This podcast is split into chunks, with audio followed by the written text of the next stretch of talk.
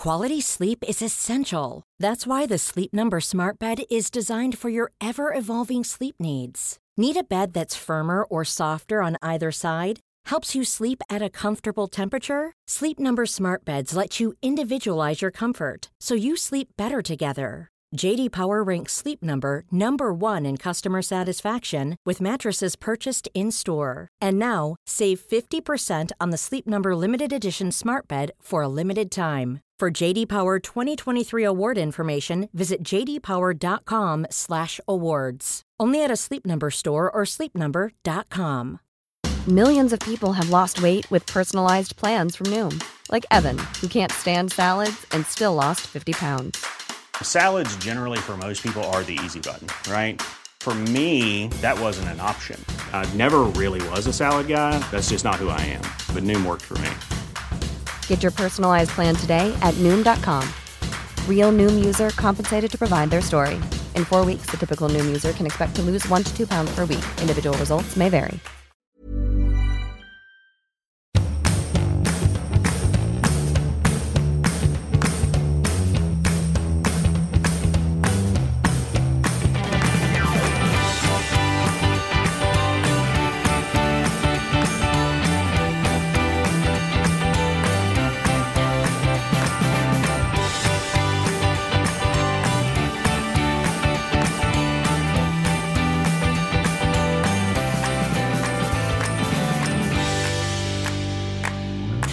Måste bara fråga dig om ett fenomen som jag märker att jag eh, har råkat ut för. Vadå?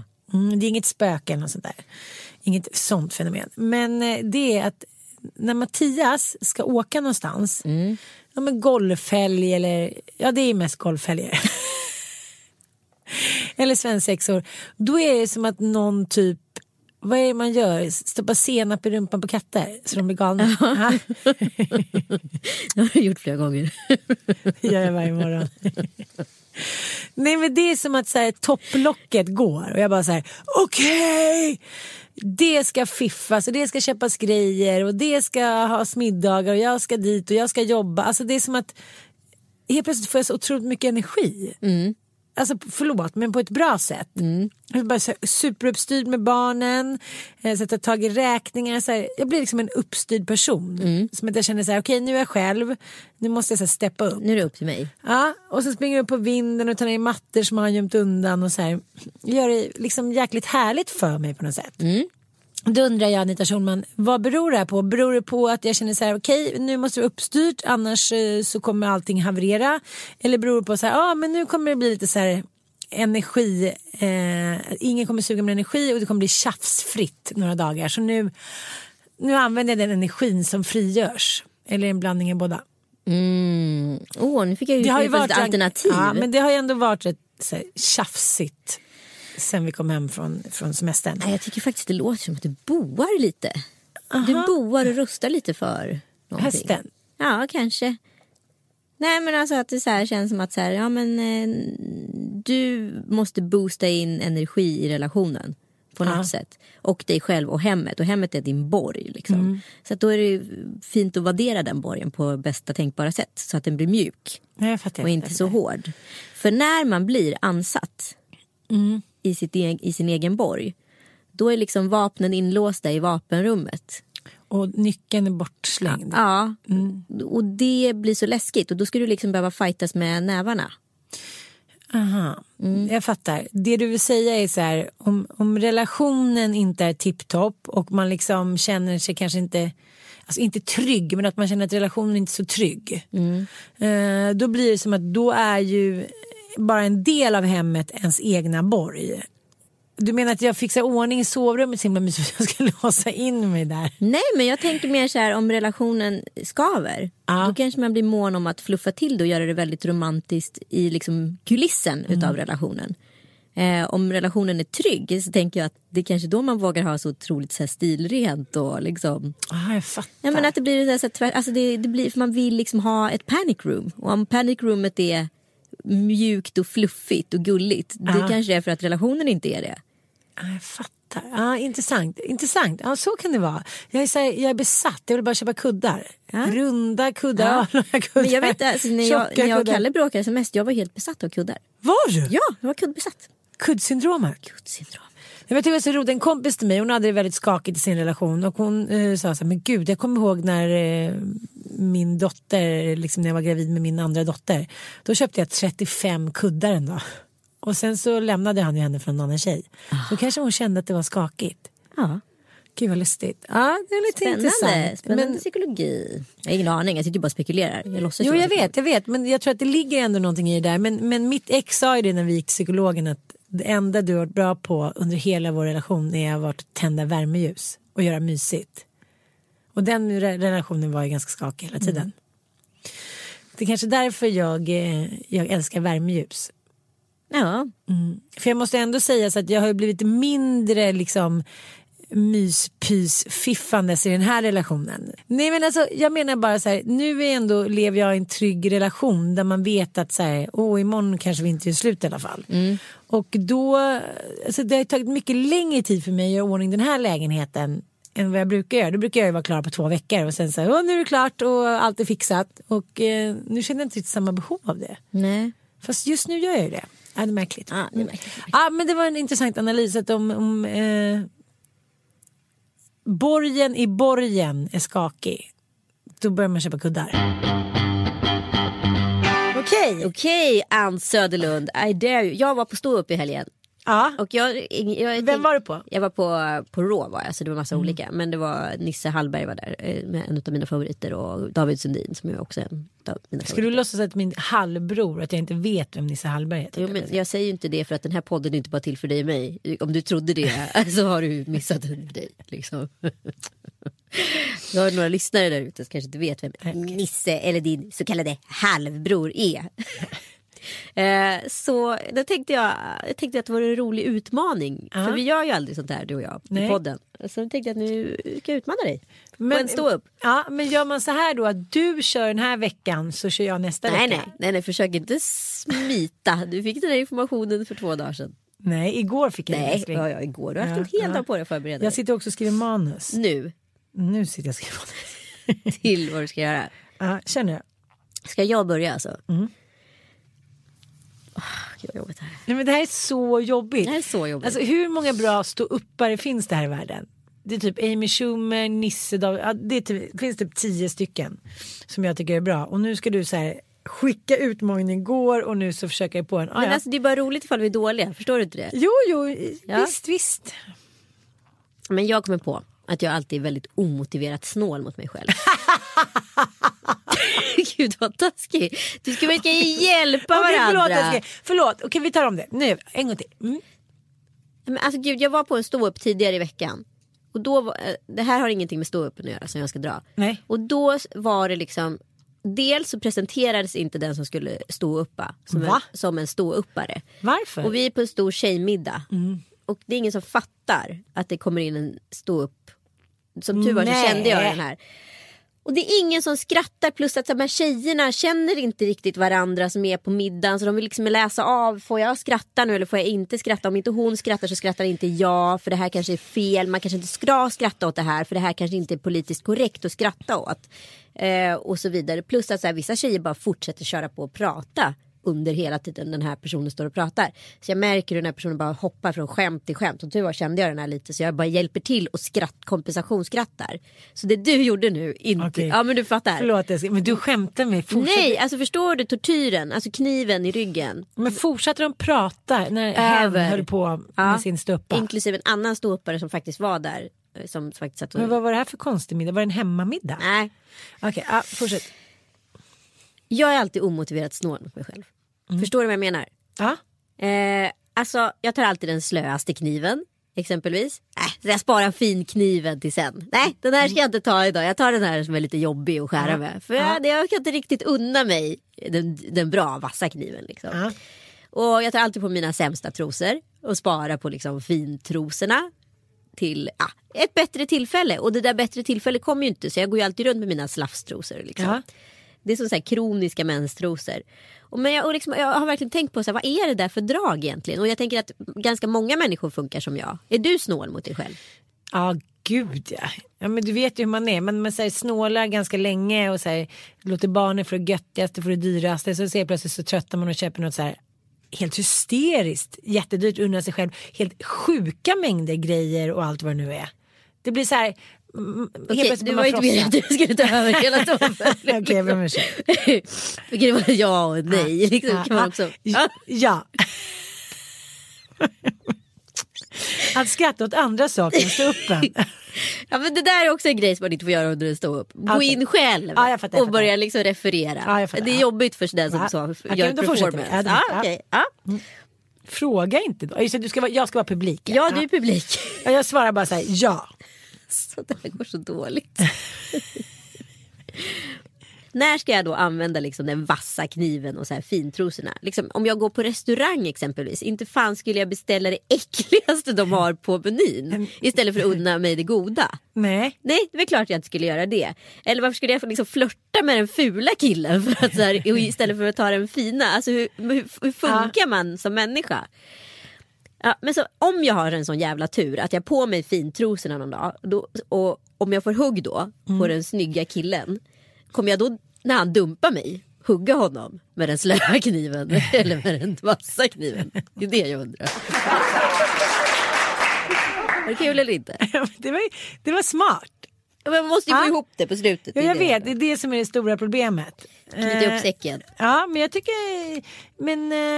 Man skulle, jag, jag behöver ju jobba på den här, det förstår du. Ja, Och jag fattar, jag tempo fattar. Och såna där grejer. Eh, men det som jag tänker eh, är ju att du skulle kunna liksom lite mer du skulle gå in på att du har träffat den där killen. ja, exakt. och så Jag skulle du berätta lite grann, ni går hem, bla bla bla. Så du dump och så, så Bygga upp scenariot. Precis, och sen när han ska gå då bara, vad fan ska, då vet du inte om du ska ta den slöa eller den vassa kniven. bra, det är bra. bra, då är det är roligt, det roligt, liksom, att ja. du blir väldigt tänd på honom och han så här, visar sig vara en douchebag, går på morgonen och bara så här, ha det bra typ, ring inte mig. Alltså förstår du vad jag menar? Ja. ja, men det är roligt. Det är Ja, roligt. det är roligt. Ja, men det, det, det, funkar liksom som en, en Absolut, absolut. idé Mm. på en ståupp. Men, ja gud ja, det tycker jag verkligen. Men det går ju att brodera ut i Exakt, all ju gå oändlighet. in i liksom, liksom här, ja. hur, hur det du ser, på liksom, hur du ser de där nya trosorna som du har köpt. Så här, nej, och då frågar du själv, vad fan är det jag ska spara det till egentligen? Ja, till, precis. så här, till ha med mig i graven, bla bla bla. Exakt, gå in mer i detaljer. Ja. Ja. bra, tack. Nu är det din tur. Jaha. eh, okej. Mm, mm, ska vi se vad jag ska komma på då. Mm, mm, mm. Hej, hej. är det dags nu? Upp till bevis. Upp till bevis. Nej men du vet, jag skulle vilja kalla den här ståuppan lite för PS saker jag undrar över. Ja, spännande. För att eh, det händer ju att jag går och lägger mig ganska tidigt med barnen. Och sen så är man på väg upp och man ska städa och kolla på tv och så här. Men sen så är det så jävla skönt att ligga där.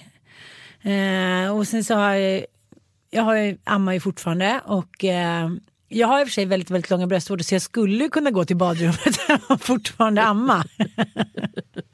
Men nu har jag valt att inte, att inte ta det steget. Ja. Men så har jag tänkt på sådana här människor som verkligen råkar illa ut. Som till exempel Mona Sahlin. Hon, råkar, liksom, hon råkar inte illa ut en gång utan så här 20 gånger. Hon gör om samma misstag. Eh, om man till exempel, hon kan ju aldrig komma tillbaka till politiken. Men så tar man till exempel eh, Eh, Clinton. Jag menar, han gjorde ju verkligen ett stort misstag när han stoppade in den där cigarren i, i Monica Lewinsky's underliv. Oklart varför. Jag tänker för hennes skull om hon fick ut någonting av det. Jag menar så här, ja men jag tänker att varför tog han inte någonting större? Han har fan tagit en banan i alla fall. Är det någonting som fanns som var mer, jag förstår fortfarande inte varför han tog cigarren. Om han inte liksom ville elda upp henne på något sätt så här. Men då har jag tänkt så himla mycket eh, efteråt. Alltså det som förstörde saker för de här människorna, det behöver inte vara politiker, det kan vara vem som helst. Det är ofta attribut med som har satt dem liksom i klistret. Och då tänker jag ofta så här, eh, äter Mona Sahlin fortfarande tab- Toblerone? Ja, är inte det en relevant fråga? Är det så här att hon liksom, hon älskar Toblerone så mycket så att även den ångesten hon får när hon ser en Toblerone så, eh, så köper hon ändå den. Eller kanske för, för liksom roliga minnens skull. Eller hur? Och sen undrar jag också som det är så många på som är så himla självklara som de till exempel tar det här med Adam och Eva. Eh, alla vet ju nästan hur det går till när man föder, man kommer ut med klipper navelsträngen. Så här. Hade Adam och Eva navelsträng? Det är också en relevant fråga. you lost me. Ja men förstår vad jag menar. Om de ja, hade jag fötts var ut, första människan. ja, Ah, okay. så hade, var jag lite för smart för dig där. Flög över huvudet. Kanske skulle planterat den lite bättre bara. Ja, ehm, och sen så tänker jag också så här. eh, att varför är myrdrottningen den enda drottningen med harem? Jag tänkte så här. Hon är, Alltså, grundläggande princip när man står upp är att man själv inte får garva åt sina egna skämt innan man har levererat dem. ja, sen tänker jag, okej okay, men då går jag vidare. Men, så jag har alltid tänkt på det här varför hyenor är så glada.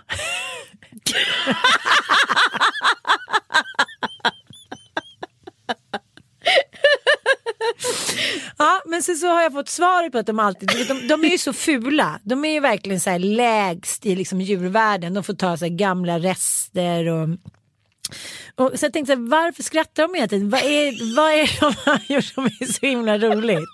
Och så nu när jag var med Dante och Frasse på Zoo i Danmark. Mm, då eh, läste jag på den här lilla skylten och eh, det beror tydligen på att hyenor har 20 centimeter stor klitoris. Så de behöver ju bara så här, gå förbi och typ dra en liten pink och få en liten vindpust i klittan så bara woohoo! Så kanske de får en orgasm. Så då tänker jag att så här, man tänker hela tiden att det är alla människor som syns i media och eh, jag menar allt från så här, ja men vad ska man säga, Clinton eller liksom Monica Lewinsky, alla de som, ja, men som är i media som verkar så lyckade och ja, Mona Sahlin också. Så här, att det, det är de man vill vara när man egentligen så här, bara vill vara en hyena. Tack! Ja, tycker- lite rörigt, lite, Lite rörigt. rörigt. Jag skulle så här, I ditt fall så handlar det som det alltid handlar om. Det är att skala, skala ner. Ja. Jag ska skala upp för jag var lite för Ja. feg. Ja. Eh, du ska skala ner. Ja. Alltså ta bort eh, Adam Eva-referensen för den hade du inte liksom heller plockat innan. Så den Nej, var inte nej, det etablerad. Eh, den var rolig men lite för... Man skulle kunna hålla på mycket Ja, kring ja. paradiset och äpplet. Det finns något roligt Jo men det är en egen linje. Mm. I, I det här så var det liksom om du, du behöver ha, knyta ihop säcken här med Clinton, cigarren och Mm. hyenan var ju briljant. Jag har börjat tänka på att starta upp en verksamhet efter helgens eskapad i Gävles nattliv. Jaha, Nej men det är det sjukaste jag varit med mycket om. kukar. Nej men alltså Ann. Jag vet inte vad som hände i Gävle men varenda kvinna eh, som har fått barn där uppe har alltså levererat åtta gånger så mycket pojkar som på något annat ställe. Är det sant? Det var alltså typ, typ åtta snubbar per tjej ute på en nattklubb. Det var det sjukaste. Att vara singelbrud i Gävle måste ju vara rena utopin. Men vadå? Det handlar väl om att tjejerna har varit smarta nog att sticka ifrån den hålan. Nej, det kanske, kanske det. Men ja, jag menar Lex så här, jag tänker att jag ska dra igång så här busslass med kvinnor som ska skeppas upp till Gävle för att liksom befrukta och befolka orten. Du bara älskar Gävle. Nej men det är helt otroligt, jag har aldrig varit med om motstycke, inte någonstans. Det var så jävla mycket snubbar ute. Men där har vi också någonting som vi gör fel som vi måste göra rätt. Att så här, männen vågar inte flytta. De är rädda för omvärlden för att vi mammor. Men det är som med Norrland. Det är en stor sorg där uppe. Det är så här, alla män bara sitter kvar och liksom väntar på att ett mirakel ska ske. Kommer du inte ihåg busslasterna med ryskor Jo. för typ tio år sedan? Det var ju värsta massindustrin. Men det är det som framtidsforskarna spekulerar i. att så här, Det som kommer ske är att jordbrukssamhällena kommer börja blomstra igen för att männen kommer bli kvar på orten. Kvinnorna flyttar till storstäderna och gör karriär, kommer hem på helgerna och, och skickar lite pengar. Eller liksom Skicka lite pengar. Ja, nej men, alltså Till det, vem? nej men alltså det finns ju redan i, jag tror det är Singapore, eh, som det finns liksom rena så här kvinnosamhällen i storstäderna. Där männen har blivit kvar på landet, blivit jordbrukare, blivit alkoholiserade och inte liksom klarar av att steppa upp. på samma sätt. Och likadant med, med utbildningssystemen, att så här, kvinnorna drar ifrån utbildningsmässigt något otroligt. Och männen halkar efter. Vi har en generation förlorade pojkar framöver. Så att det är väl dags att vi skickar busslast med kvinnor till Norrland för att liksom befolka dessa kommuner. Gävle ville du ha dem till. Ja men Gävle är väl bara ett exempel, det måste ju vara ännu mer, ännu högre upp tänker jag. Jo, jo, men då undrar jag så här. På något sätt när du var inne på Tinder så kollade ju du på de killarna som du Nej, men de hade något. De var attraktiva, kanske hade ett schysst jobb. De sålde in sig själva som snubbar. De här killarna som har blivit kvar uppe i Norrland och Gävle. Hur, eh, Jävlar, låter får det låta som så här. Ja, det är 15 mil från Stockholm, det är inte superlångt. ja, det är jobbigt när man bara har en elmoppe. Här, Dryg timme med tåg. problemet är ju att så här, the fittest survive och de drar. Ja, så är det ju.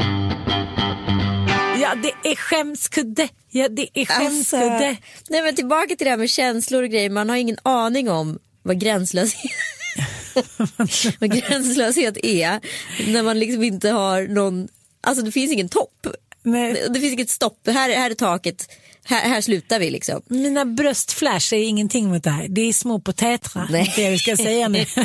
Olika typer utav genans kan man säga. Säg Åh, inte. nej, det, men det är alltså- första bajset inför Joel. Men sluta. Nej men alltså det här är så jävla jobbigt. Skämskudde, skämskudde. Ja, kör nu. Jag backar upp dig. Jag backar upp dig. Och sen dräper du mig. Sen dräper Jag du mig backar upp dig med en bröstflash. Ja, nu ska vi se här. Eh, jo, men... Du har skrivit upp till och med. Jag, upp. jag, bara- jag, måste, jag, måste kolla på manus för att jag tycker det här är så jobbigt att prata fritt om. Okej. Och jag berättar det här för Joel och jag bara så här, det här är så genant, jag vet inte hur jag ska klara det och varför ska jag berätta det här? Och jag var tvungen att berätta det. Om du inte levererar nu, då kommer jag rulla dig. Jag var väldigt kär i en av mina högstadielärare som Ah. heter Stefan. Aha. Jag och Åsa, min bästis, var unisont väldigt kära i Stefan. Han var liksom en ung lärare, bara en sån sak. Det räckte tydligen. Alla andra var ju gamla och gubbar med hår i Han hade sju ögon, men han var ung. Nej men han var liksom, han kom åkande i en liten Morgan cabriolet från 60-talet. Det är bra. Det börjar Det bra. bra. Han lyssnade på Beatles, han lyssnade på Stones, han lyssnade på Dylan. Vi kunde sitta och prata låttexter i all evighet. Han var liksom lite snygg. Han Alla var timmar singel. man har lagt ner på låttexter. Mm, han var singel. Jag och Åsa var då 13 eller 14 år. Vi var, alltså vi var ju besatta utav denna Stefan. Men hur gammal var han om jag får fråga? Var han typ Han var- 30? Ja men typ 30.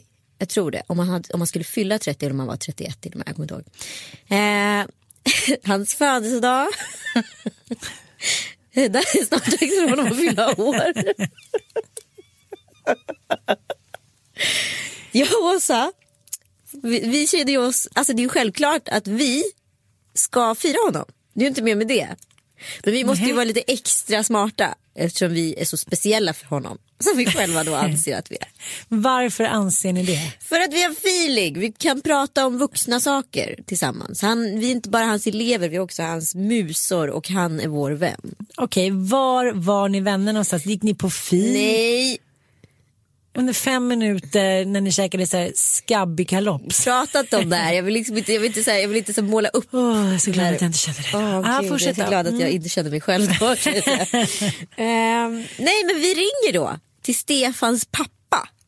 letar vi upp numret till och ber om bilder på honom från hans barndomsalbum. Som vi sen gör ett litet collage av och skriver egna personliga texter där vi också har intervjuat hans pappa om Stefan var. Nej men jag orkar Nej, men jag orkar Det inte. så- Det var värre än det saggigaste bröllopet. Förstår du att mottagaren tror på fullaste allvar att jag och Åsa är ett par besatta stalkers. Och vi fattar inte varför han inte blir glad. Efter den dagen förändrades vår situation med Stefan. Era betyg sjönk. Dessutom oerhört skulle jag säga. Det var, alltså, så här, det var ett sånt uppvaknande. Men då, långt senare, fortfarande inte då, fattade jag vad jag hade gjort för fel. Men kanske ett halvår senare. Och vad hände då? Du bytte skola? Nej, nej, nej. Jag bara led ut den här tiden, det där sista året med honom. Liksom. I morse när jag vaknade eh, här på landet, ganska jobbig natt. Bobban vaknade några gånger och så här, jag vill åka hem. Jag Nej. så här, allt jag har gjort för att skapa den här världen. Ja, men eh, han är ganska pappig för tillfället. Så jag var lite som man är när man eh, inte har sovit på natten. Lite så här, delat på ett täcke alla tre och det känns som att man varit ute och rumlat hela natten. Så tänkte jag så här, gud vad härligt det vore att åka alldeles själv. Inte ensam, utan alldeles själv. Ta tåget till Paris, ta med sig massa härliga böcker och Vad är det med dig och tåget till Paris? Du, du har ju damp för fan. Du kommer inte klara det där. Du kommer vara trött i Köpenhamn och vilja hoppa på flyget. Nej, men nu ska jag berätta en liten ankedot. En ankedot Eh, igen. En ankedot. Eh, Jag eh, var tillsammans med en, en man, eller han var då en, ung spoling. Och han åkte iväg och tågluffade när vi var nykära. Och jag åkte efter honom. Vi skulle mötas då, det stora mötet efter de här veckorna skulle då ske i Paris. Så då tog jag det lilla tåget och eh, jag träffade direkt några killar som jag satt och pratade med. Det gjorde du väl i och för sig. Jag vet ju ingen som kan socialisera på ett alltså det sjukaste sättet. Var bästis med hela byn på två minuter. ja, det är faktiskt en gåva jag fått. Ja, så du tror på riktigt att du skulle sitta och njuta av din ensamtid? Ja, okej, men kör på. Ja, men det här är den, den visionen som kom upp i morse när jag låg där. Och då skulle jag till köpa lite magasin, kanske ta ett litet glas vin där, lite ost och ja, men, ha lite härligskap för mig själv. Sitta på de där 24 timmarna eller 18 timmarna om ett tag. Ha, jag tänkte att jag inte ens skulle ha ett hotellrum utan att jag skulle låna en liten etta i Montmartre lite dammiga, men där började jag renas vackla. tillbaka till hotellet, tillbaka till hotellet. Och sen skulle jag vara där i 48 timmar och gå på museum och åka ut till Versailles. Och, och så tänkte jag för första gången i mitt liv, vid typ pensionsåldern, så kändes det inte skrämmande längre. Sen vet jag inte hur det skulle bli om jag gjorde det. Men, men innan har jag tänkt, liksom känt mig livrädd för att göra egenresor. Min kära moster, hon har ju all, alltid rest själv. Nice tre veckor, hitten datten ditten. Hon har aldrig rest med någon. Hon har liksom aldrig haft en man att resa med. Och det har jag alltid tänkt så här att precis när man vill kommentera någon, du vet ju hur mycket Ja, ja, resandet är, den lilla kommentaren efteråt. Vad menar Ja, du? men du vet. Ja, men, ja, man hela tiden så här vill kommentera precis när någon har gått förbi eller precis när man har ätit något. Eller, alltså man vill Ah, tiden, man vill ja, ändå så här adressera en känsla en, eh, som Ja, men dyker man upp. vill förhöja det till något sublimt, något så här som Gud har skapat varenda resa. För det är ju det som ska ta bort en från vardagen. Så även om man är liksom ja, men på en färja till Skopje så är det så här, titta där, var det inte en liten delfin? Alltså, Precis. ja, och har man då ingen resonans där, spegel, jag vet inte. Nej men det är ju som att äktheten i resan lite så dräneras, förstår du? Det finns ingen som kan så verifiera att detta har hänt. Det, men det är det som är den surrealistiska känslan med Los Angeles-resan där på en vecka. När man åker själv och sen så har ju massa grejer, det var ju rullande schema, herregud.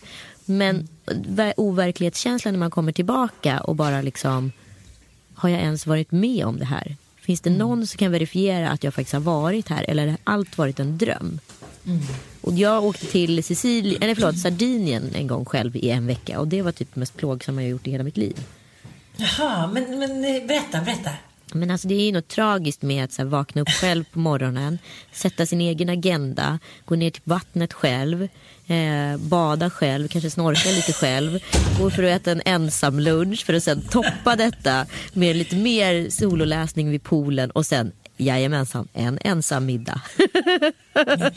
och gå och lägga sig typ vid nio för det finns ingen att hänga med. Och du kan ju inte sitta och bli full själv. Och jag är ju inte som du som sitter och så här socialiserad med liksom halva byn. Utan jag har en mycket större ansats till det där. Ja, men har du det fortfarande tror du? Nej, kanske inte det. Jag var runt 20 någonting när jag gjorde den här resan. Men varför, din patetiska kvinna, varför gjorde du det här? Varför tog du dig an detta liksom För jag dejtade en italienare som hette Simone. Simone Moretti. And he lived in Roma. And he was a rugby player. Ja, han dumpade dig direkt? Nej, vi skulle ses på Sardinien. Och har lite härligt uppe i Porto Cervo, du vet lyx-Sardinien. Ah, ja, ah. Costa Smeralda. Eh, men han eh, fick, var tvungen att bli uppbokad på jobb påstods det. Så att han kom aldrig. Så där satt jag på en sån här veckocharter själv. Så till sist Nej. tog jag mig upp till Porto Cervo själv. Tack och lov. Och där träffade jag ju såklart massa trevliga män. och hade en jätterolig två sista dagar. Men det var ju liksom, jag borde gjort det tidigare. Men jag satt ju bara och väntade och väntade och trånade och trånade. Men det där tycker jag är så eh, vedervärdigt. Jag har aldrig hört någon liknande historia från en man. Men vi har också en gemensam kompis som åkte till London för att träffa en känd man. Som heller inte dök upp för att han var tvungen att jobba. Alltså, jag kan inte ens tänka mig den förnedringen, den så här grundlösa, höll jag på att säga. Eh, ursprungslösa, ska jag också säga. Nej, men jag kan inte förstå, hur kändes det? Att sitta där och vara 20 år gammal, då är allting så mycket mer bottenlöst också. Nu skulle man vara lite så här, ja, whatever, jag ringer Anita, hon får hoppa på första planet, så dricker vi champagne och så unnar oss typ en Och sen är det bra. utekväll. Exakt. Precis, men då var det så här, man är ju okej. pank och man är liksom så här, man lever ju Ja. så här, du har ju en bu- dagsbudget och så här, ja det är ju inte så att jag kunde boka om 32 flighten. lire. Ja, men du vet, jag kunde inte boka om och ta ett annat flyg hem, vilket jag hade gjort efter fyra dagar i panik. Utan jag var ju tvungen att härda ut den här vansinnes, eh, vansinnesvecka. Oh, jag gör aldrig om det. Jo, nu kanske jag skulle göra om det fast med en helt ny inramning Med mig. med dig. så den här, jag tror inte på den här tågresan till Paris. Jag tror, jag tror du hoppar av tåget till Köpenhamn och så ringer du mig och så åker vi dit ihop. Alltså det, Ja, typ men- så. Ja, men då blir ju det jätteroligt. Ja, men liksom, jag har ju aldrig trott på det här att man ska kissa inför öppen dörr och bajsa och hålla på och klippa tånaglarna. Men nu med alla de här barnen i den här lägenheten så har vi så här, okej, jag har släppt lite på vett och etikett när det gäller det här. Plus att jag har en kille som också är lite så här, som en tant som bara, vad gör du? Vad gör du? Man bara, jag bajsar. Jaha, okej, förlåt. Till slut är det så här, gå ut, nu låser jag i och för sig. Ja, men också en alltid. småbarnsår när man sitter och liksom har Tom Allan i knät när man liksom gör nummer två. Man bara säger men Ja, men man har, man, man har liksom Privatliv har ju liksom inte funnits. parentes. precis. Och så igår då så tänkte jag att jag skulle vara lite rolig. Och jag skulle göra så här som buskisaktigt, lyfta upp benet, släppa en minibrakare. Alltså då menar jag så här. Ann. Ja, men, Annika jag du vet- utsätter dig själv för det här. Det här men är liksom, tänk på att nästa då- gång han ska ligga med dig då ska du ta... ja, men hur ofta Då är det han kvinnlig skallepär han ser. Lyfter på benet, okej den kv- kvinnliga skallepären. Och släpper alltså en sån superbrakare så att hela huset skakar. Jag kan inte ens ge in. Och så här, alla vänder sig om typ från andra våningen och så här, tyst där nere. Och Mattias hamnar i något chocktillstånd. Han, så här, han vet inte vad som har hänt. Är det, så här, är det ett djur, är det en ko eller är det en kvinnliga skallebär? Ja du fattar. Det är över. Det är över. Det Ja, men jag tänker så här, relationen är över, livet är över. Jag kommer aldrig mer kunna så här, gå ut och vara en liksom. Jag kommer aldrig mer kunna behålla stoltheten. Jag fattar inte att du kan liksom... Ja, men du förstår väl att jag fick lite feeling och skulle göra en liten tokrolig grej så här. för att lätta upp stämningen och sen så. ja, vi- Vi, jag tror han fortfarande är i chock. Det var därför han försökte göra slut med mig.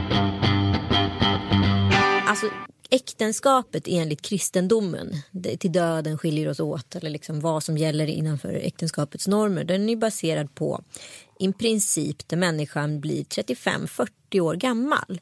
Alltså kvinnan dog oftast i barnsäng, mannen kunde dö på något fält eller alltså bli, få någon virus, någon pest, vad som helst. Alltså det kunde hända vad som helst.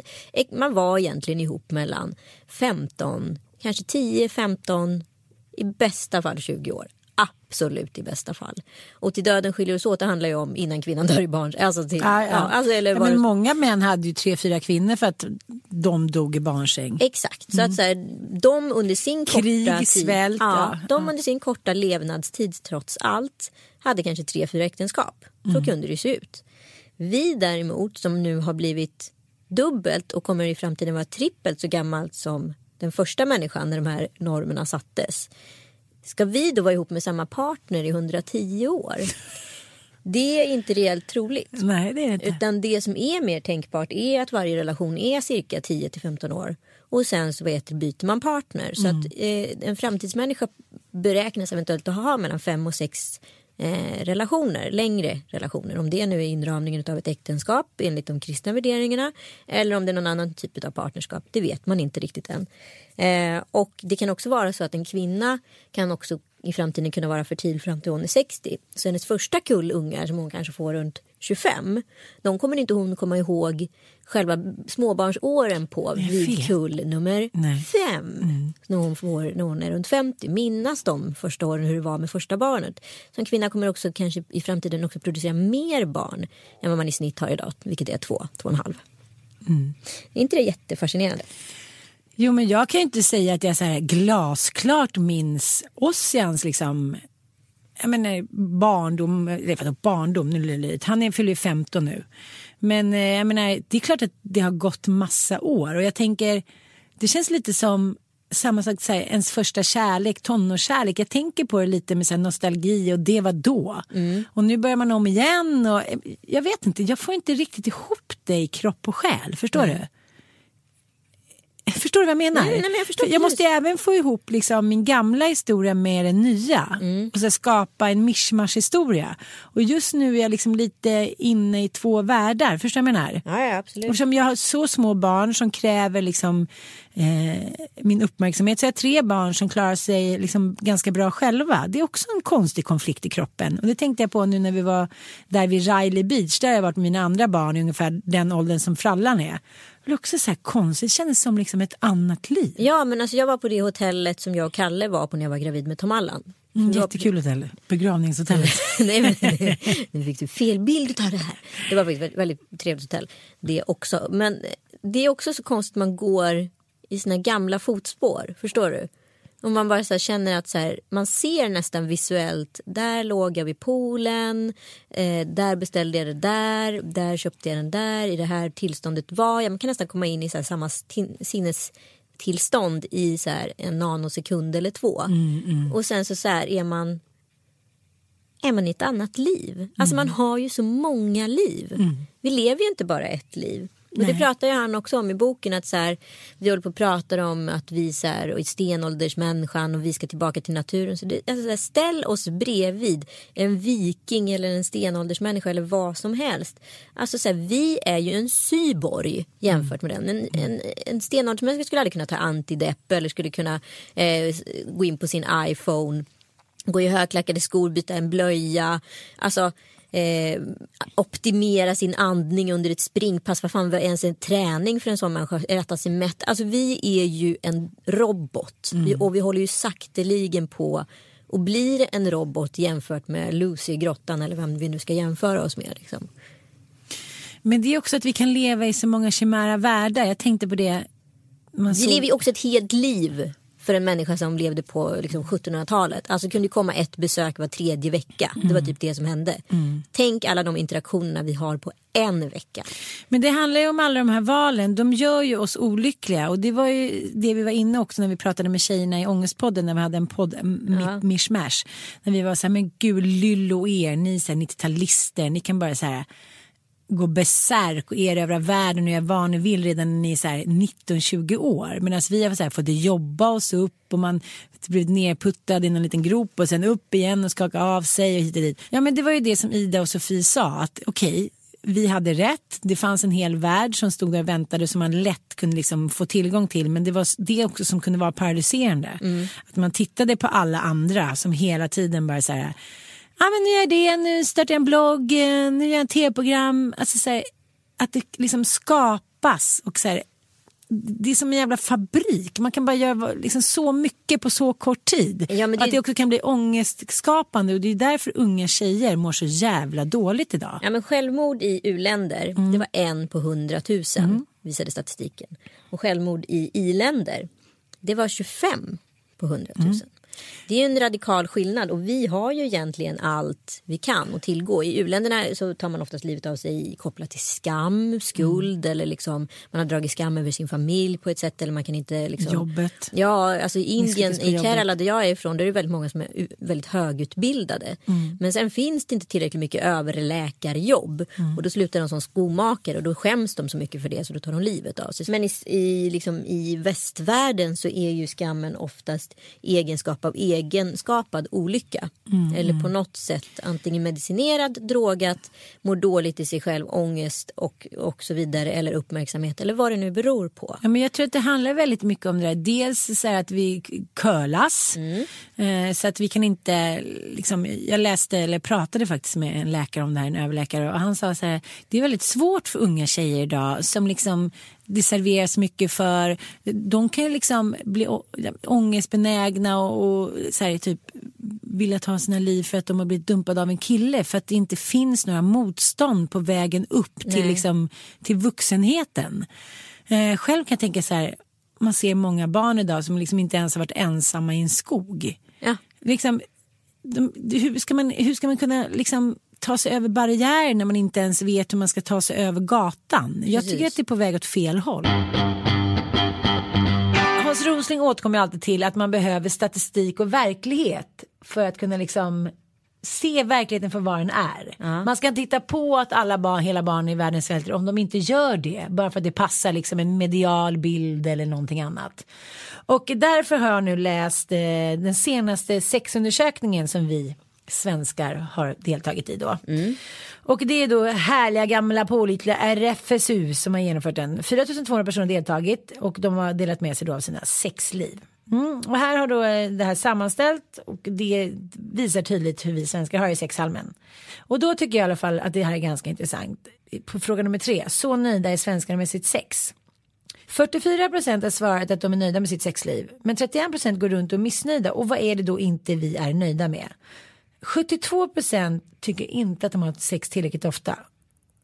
Och minst inverkan på nöjda vi är med sexet är orgasmen.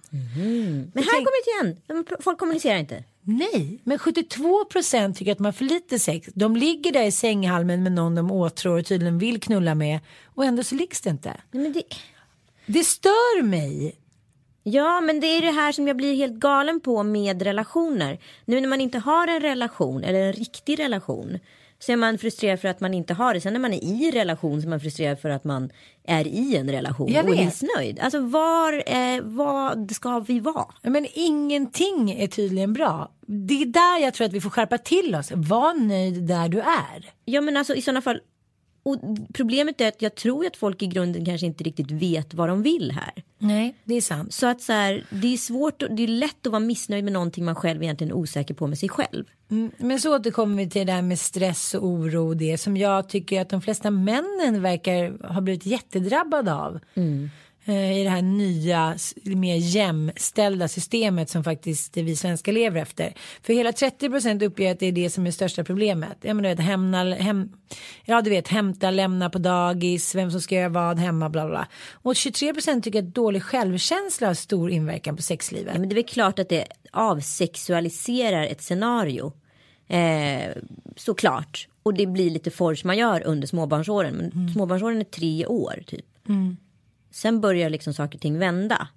Men jag förstår att alla människor inte håller ut under den tiden. Så det är ett ganska lång tidskapsel. Tänk om du var ihop i tre år innan, innan du skaffar barn. Och så skaffar du barn och så är det helt plötsligt tre år som du bara inte ska i princip vara med din partner. Mm. Men då undrar jag, är det bättre då att som jag och Mattias inte han, liksom, vi hann inte uppleva något så sprudlande sexliv direkt innan jag blev gravid. Är det kanske bättre då? Ja, men du kanske har någonting kvar att upptäcka sen. Ja, det är sant, det är sant. Men, men, samtidigt så får man, jag tror att vi svenskar har ganska svårt att skratta åt oss själva i sådana här situationer. För om vi bara kunde göra det lite mer under småbarnsåren, då skulle liksom mycket färre par skiljas tror jag. Jag tror tjejerna tar på sig att de får dålig självkänsla, läckande bröst, de känner sig inte som den sexuella varelse de var innan. Männen vågar inte närma sig kvinnan och hennes nya sexualitet. Alltså, det liksom fastnar i varandra, alla hämmas av varandra. Kliddrig klitt. Ja. Och så slutar med att folk är otrogna. Ja. Och 90% av all otrohet, eller vad man ska säga 95% av all 99. ja, 99, måste ju ske under alkoholens influenser. Ja. Eh, 62 anser, procent anser att man är otrogen om man har webcam-sex. Oj. Jag vet inte varför Fast bry, i- känner jag att jag inte bryr mig så mycket. Nej men fast om Mattias skulle sitta hemma och runka framför en annan brud. Okej då. Ja. Men porrsurfa är 13 procent som tycker, det tycker inte jag. Vad sa, hur många var det som tyckte? 13 procent tycker att då har man varit otrogen. Nej. Ja. Eh, 3% uppger att de har varit otrogna mot sina partners under det senaste året. Tror vi det är överkant eller underkant? Har vi varit ärliga här? vad sa du? 3%. Ja, gud det är så mycket ljug där. Ja, jag tycker också det. Och jag tycker ändå att det här är så underbart. Eller det är inte alls underbart, det är jättehemskt att folk har varit otrogna. Men, men de säger som det är. Anledningen till att man har sexuella relationer vid sidan av är främst att folk har varit kåta. Det säger 41%. Jag var så kåt. Så då tänker jag, om vi börjar knulla lite mer med dem som vi är tillsammans med, då kommer det inte vara samma otrohet, ja, såklart. Såklart, men dels också, det här tycker jag är väldigt spännande. För det här får inte jag får ihop det. Jag blir ju väldigt okåt när jag är full. Jaha, Jag okej. funkar ju inte alls. Liksom, jag kan ju tycka att det är kul att få uppmärksamhet. Men jag skulle ju aldrig kunna liksom rulla tunga med någon på fyllan. Men, I vilket stadie är vi nu? Nej men alltså jag, alltså ain't gonna happen. Liksom. Men två glas bubbel? Ja, två glas bubbel, inga problem. Nej. Men liksom, eh, men du vet så här. Jag förutsätter, nu, det här är mina bilder som jag har i huvudet av den här teorin. Det är att folk är fulla typ efter krogen. Att, den så här, att folk så här, går ut och typ så här, ställer sitt hörn och hånglar loss liksom. Eller så åker hem till varandra efter en blöt festnatt. Och sen vaknar upp och bara vad fan har jag gjort? Ja. För att det är ju så här, snarare liksom att man personlighetsförändrar sig och sen gör man något dumt. Och sen ska man försöka motivera för sig själv varför man gjorde något dumt. Men du har väl stått där någon gång på krogen när du levt en dålig relation och vet Ja. att tar jag den där hallonshotten, stoppar jag fingret i den där sista drinken eller går med på den där efterfesten, då är det fara och färde. Exakt. Och där kan man välja om man doppar Exakt. sitt finger ner i liksom Precis, i, i kliddrig klitter. Nu sitter vi här och jag sitter lite som på nålar. Jaså? Ja, jag har fått fråga nu flertalet gånger den senaste veckan vem du har varit i Rom med och lagt upp massa bilder som att du vore där själv och bara med en fotografassistent. Ja, så roligt ja. Kanske man blir så. tokig. Men man känner ju ändå att det fanns något fuffens annars skulle ju personen varit med på bild. Ja. Raketforskaren Ann Jag träffar en kille, jag är som sagt väldigt mån om att skydda mitt privatliv just nu. Jag vill inte att mina barn ska liksom råka ut för någonting som inte de behöver ha någonting med att göra. Eh, och så vidare. Jag introducerar liksom ingen person i mitt liv som inte behövs vara där rent fysiskt, förstår du? Ja, men varför vill du inte visa hen på bild? Är det liksom, har de någonting att göra? Eh, liksom, tänker du så här, men gud, det, det får ingen se, då kommer det ligga i tidningen eller jag. Ja. Det är Ja. klart det skulle göra. Ja, exakt. Det har ingenting att göra med att du tycker att det är väldigt tidigt att åka på semester med någon eller? Nej men vad fan det spelar väl ingen roll. Vi har ju dejtat den här killen ett tag och gillar honom liksom. Det är inte mer med det. Men vi har ju inte uttalat någonting runt varandra och kommer kanske inte göra det heller. Så att därför tycker jag inte heller att det är nödvändigt att någon annan än jag har de bilderna i min kamera. Men då undrar jag. Han eh, vet ju vem du är tydligen. Och, eh, men när du bad honom så här, ta bilder hela tiden när han inte skulle vara med. Bilder hela tiden. Ja men det kanske Ja. var en ömsesidig önskan. Ja det kanske är Mm. sant. Ja, det är sant. Men pratade ni något om det? Men det är klart. Det pratades om det innan vi åkte också. Så att så här, det Mm. var clearat och klart liksom.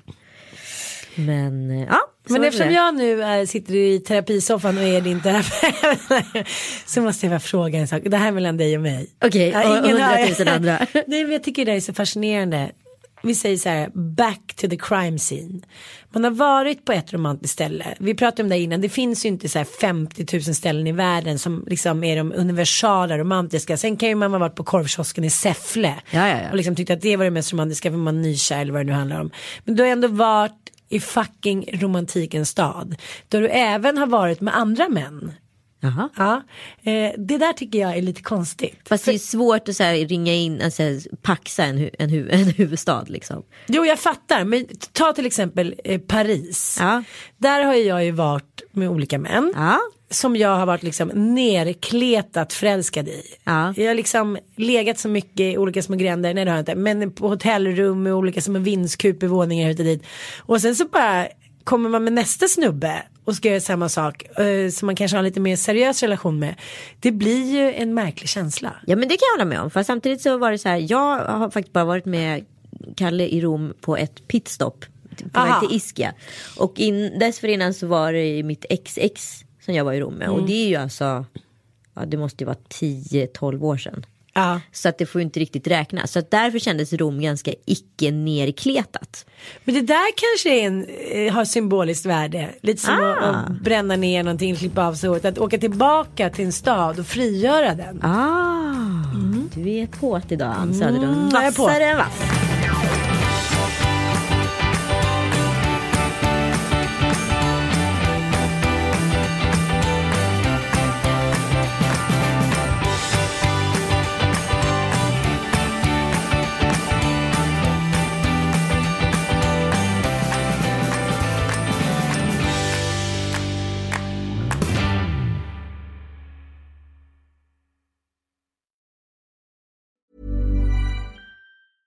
Planning for your next trip?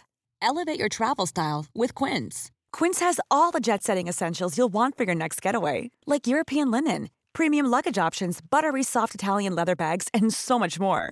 And is all priced at 50 to 80% less than similar brands. Plus, Quince only works with factories that use safe and ethical manufacturing practices. Pack your bags with high-quality essentials you'll be wearing for vacations to come with Quince. Go to quince.com slash pack for free shipping and 365-day returns. Imagine the softest sheets you've ever felt. Now imagine them getting even softer over time. That's what you'll feel with Bowl and Branch's organic cotton sheets. In a recent customer survey, 96% replied that Bowl and Branch sheets get softer with every wash. Start getting your best night's sleep in these sheets that get softer and softer for years to come. Try their sheets with a 30-night guarantee. Plus, get 15% off your first order at bowlandbranch.com. Code BUTTERY. Exclusions apply. See site for details.